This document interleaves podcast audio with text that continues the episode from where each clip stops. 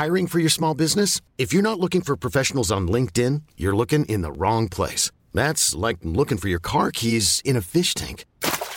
LinkedIn helps you hire professionals you can't find anywhere else, even those who aren't actively searching for a new job but might be open to the perfect role. In a given month, over 70% of LinkedIn users don't even visit other leading job sites. So start looking in the right place. With LinkedIn, you can hire professionals like a professional. Post your free job on linkedin.com slash achieve today.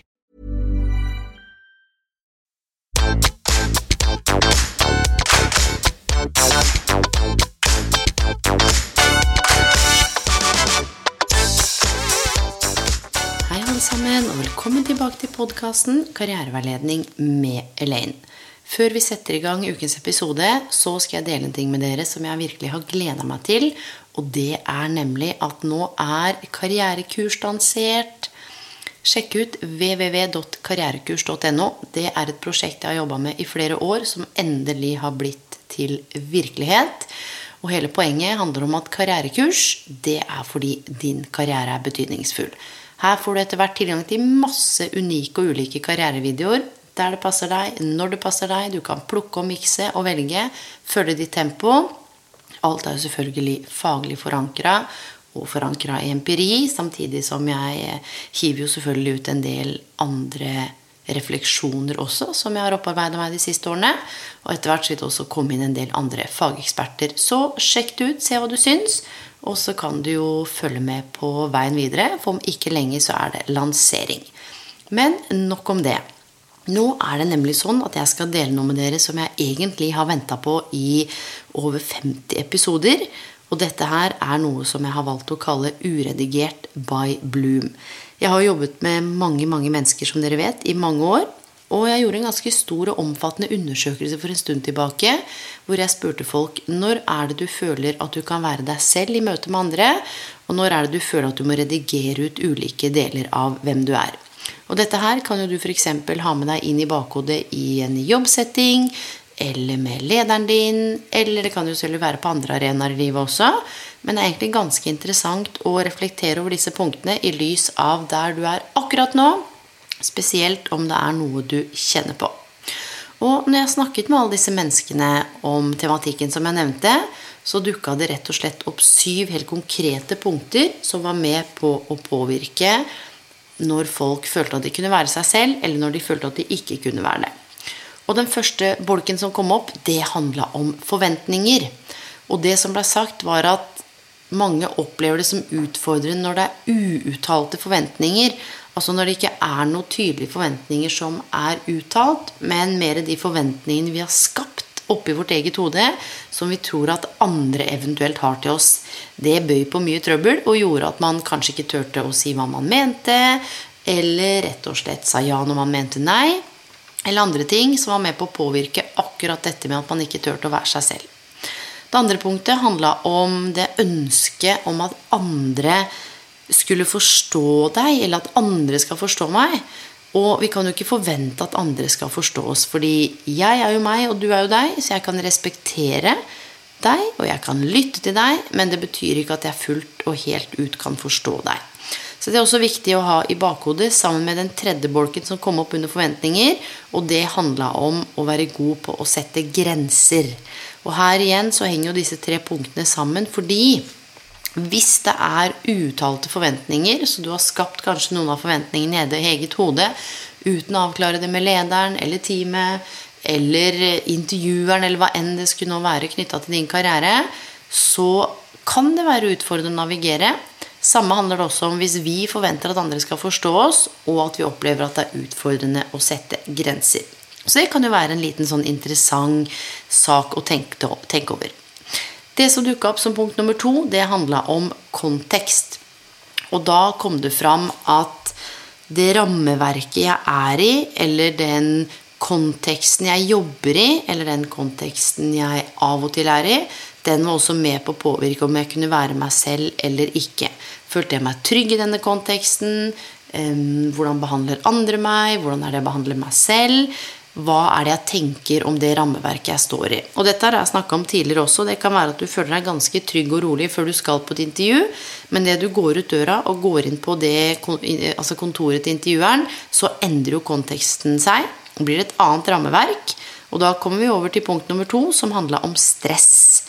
Dette her med kontekst det var svært viktig, for folk sa når de opplever at det blir en endring i kontekst eller endring i rammene, så de, kunne de også oppleve stress. Og når de opplevde stress, så var det også vanskeligere å være helt autentisk den man er. Samtidig så kom det også andre egenskaper og holdninger og tanker til uttrykk som man kanskje også ikke ønsket at andre skulle se. Og den siste delen av konteksten, det handlet om tilhørighet. Hvis jeg er i en kontekst hvor jeg føler meg vel, uavhengig av f.eks. kjønn eller legning, eller hva jeg står for, eller hva andre tenker, og at jeg hadde en sånn følelse av belonging, rett og slett, tilhørighet, så var det mye lettere å kunne være seg selv. Det tredje punktet som kom fram, det handla om kommunikasjon. Her var det tre ting som var fremtredende. Og det første handler om hva er det vi gir mening? For du vet jo det at noen kan si noe til deg beste mening, og så kan du oppfatte det på en helt annen måte. Så her handla det rett og slett dette med å være bevisst på hvordan er det man tolker det som blir sagt, eller hvordan er det man internaliserer det som blir sagt, hvordan er det man agerer på det. Så hva du tillegger mening, og hvordan du tolker, det kan være ganske sentralt i forhold til hvilke deler av deg du velger å vise fram. F.eks. til de du jobber med. Det andre som kom fram, det handla om tilstedeværelse. At det opplevdes utfordrende å by på seg selv og være seg selv hvis man hadde en følelse av at de som var rundt, ikke var til stede eller ikke var lyttende, rett og slett eller imøtekommende når eh, man var i en samtale eller hadde noe på hjertet eller skulle presentere noe, eller sånne ting som handler om det mellommenneskelige. Den siste delen handler om 50% storytelling, og det vil si at veldig ofte så sa mange at de brukte ekstremt mye tid på å tenke på hva alle andre tenkte om dem hele tiden. Og hva alle andre tenkte, det var også med på å påvirke hvordan de så på seg selv, hvordan de presenterte seg selv, hvordan de hadde det, rett og slett.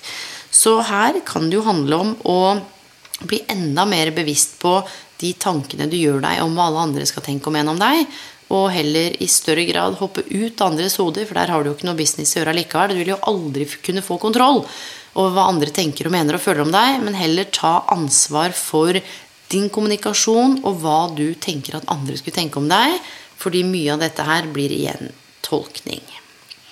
Den fjerde bolken som kom opp, det handla om intensjon. Og det var mange som sa at de ble usikre når de ikke forsto hvorfor noen sa noe.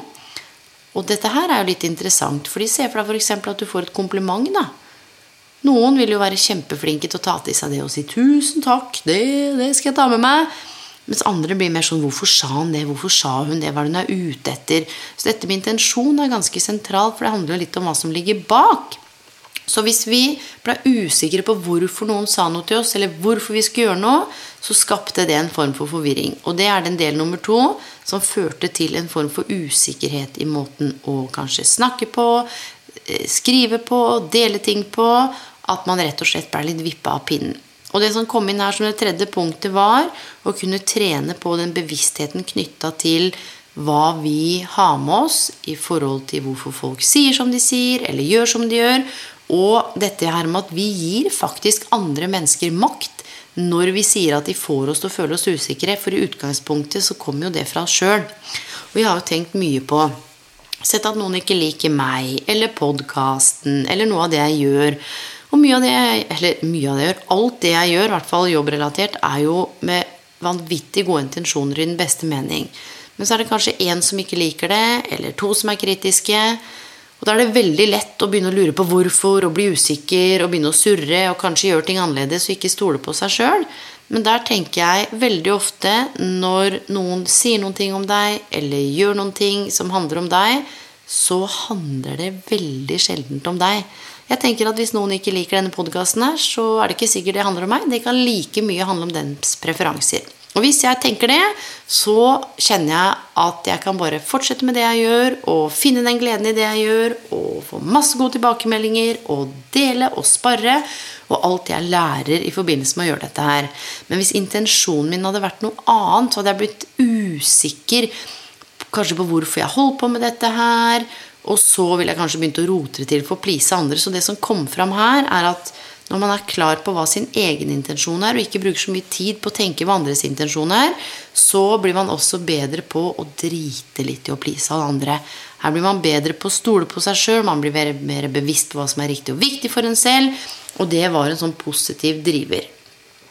Så har vi det femte punktet, og det handla om å våge å spørre om hjelp.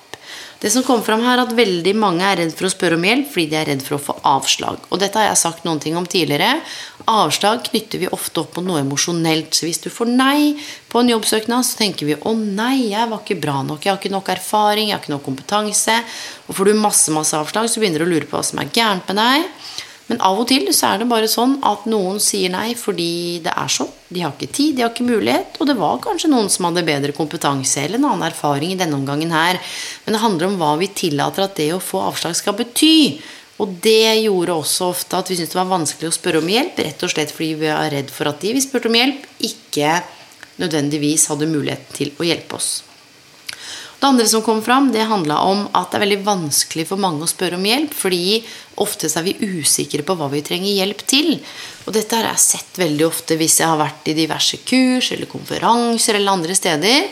Og så er det kanskje noen som leder dette her, og så sier de til gruppa Ja, ja, bare si ifra hvis noen trenger hjelp, da. Og så sitter det kanskje 40 stykker der, og så lurer egentlig alle på noe, men så veit alle egentlig ikke helt hva de lurer på. Så den beste måten er jo rett og slett Skal du hjelpe noen, så interesser deg fordi det dem er interessert i. Si du hva er det du skriver nå, eller hva er det du holder på med nå, eller hva slags prosjekter skal du levere nå? Sånn at du faktisk setter i gang en dialog. For det er ikke så lett bestandig å spørre om hjelp. Og det er heller ikke så lett bestandig å vite hva vi trenger hjelp til. Så da går det an å være en støtte for å initiere den fasen der. Og det tredje, det handla om mot. Altså det å være modig Tørre å stå i seg sjøl, tørre å ikke vite. Og jeg har sagt dette her 10 000 ganger, mine venner. Vi trenger ikke vite alt. Verken som fageksperter eller som ledere eller som bare human beings. Mye kan læres, noe skjønner jeg ingenting av, men jeg har i hvert fall skjønt innenfor karriereveiledning eller coaching eller mye av det andre jeg holder på med, så kan jeg ikke vite alt. Og det er jo ikke noe mål i seg sjøl, men det handler om å både assosiere seg med og alliere seg med andre mennesker som er ekstremt dyktige, sånn at det er muligheten til å lære, uten at jeg nødvendigvis trenger å bli noen ekspert. Men det å ha mot til å tørre å spørre, å våge å spørre om hjelp uten å være redd for å ta på ansikt, det er et viktig punkt. Så handla det sjette punktet om refleksjon. Og det som kom fram her, er at det er ikke så ofte jeg har tid til å sette meg ned og egentlig kjenne etter eller tenke over, for det er så hektisk hverdag. Men hvis jeg først gjør det, så kan jeg bli bedre kjent med meg sjøl. Jeg kan evaluere dagen, eller jeg kan planlegge dagen. Jeg kan gjøre meg opp noen tanker om hvorfor jeg tenkte som jeg tenkte, gjorde som jeg gjorde, valgte som jeg valgte og handla som jeg handla. Jeg kan kanskje sette meg inn i den andres perspektiv og respektere det i større grad enn å bare tenke at mitt perspektiv er det som er det viktigste. Og det andre punktet her handla om at når jeg har gjort disse refleksjonene, så har jeg lyst til å finne noen som jeg kan dele med. Sånn at vi kan spare litt. Og det tredje det handla rett og slett om å tåle å være ærlig nok til å stå i sin egen sannhet. Og bare kjenne på at nå er det det det er akkurat nå. Jeg føler meg lost, jeg føler meg usikker. Jeg har ikke lyst til å redigere bort deler av meg sjøl på jobb. Jeg har lyst til å komme på jobb og si, vet du hva Jeg føler meg litt usikker på noen ting jeg nå. Hvem er det jeg kan snakke med for å få litt støtte og hjelp? Og det siste punktet det handler om noe vi alle trenger. Og det var tre ting som kom fram som de fleste var enig i en eller annen form og farge. Nå har jeg jo kategorisert dette her og sett på mønstre og hva som var likt og ulikt og hele pakka. Tre ting kom fram, og det er følgende. Og dette her kan vi ta med oss alle sammen i møte med mennesker som vi treffer i løpet av dagen i dag, kommende uke, kommende måned. Og det er Ser du meg? Hører du meg? Og betyr jeg noe for deg? Og med det, mine venner, så håper jeg dere har fått med dere noen spenstige refleksjoner som dere kan ta med dere videre. Om det kanskje bare er én ting her som lugga litt, eller én ting som var litt fascinerende, én ting som du ble grepet av, eller én ting som du syntes var litt rart, så er i hvert fall intensjonen at kanskje dette her har satt i gang en lita refleksjon hos deg som ikke du hadde før du hadde hørt den episoden her. Og med det så ønsker jeg dere en god kveld, eller god natt, eller god helg, eller hvor enn dere er i verden. Og så vil jeg bare si tusen, tusen, tusen takk til alle dere som lytter til denne podkasten, som betyr ekstremt mye for meg og for mange. Det er veldig mange lyttere. Og jeg har lyst til å bare fortsette å lage den podkasten her.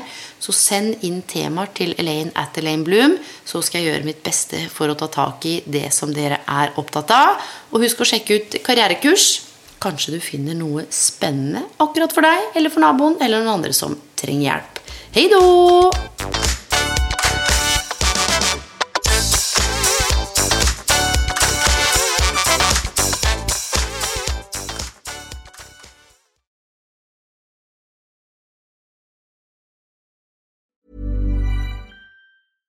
My business used to be weighed down by the complexities of in person payments. Then, Tap to Pay on iPhone and Stripe came along and changed everything. With Tap to Pay on iPhone and Stripe, I streamline my payment process effortlessly. Now I can accept in person, contactless payments right from my iPhone. No extra hardware required. What's truly remarkable is how I can cater to all of my customers' payment preferences. Whether they're using cards, Apple Pay, or other digital wallets, Tap to Pay on iPhone and Stripe ensure a smooth checkout experience every time.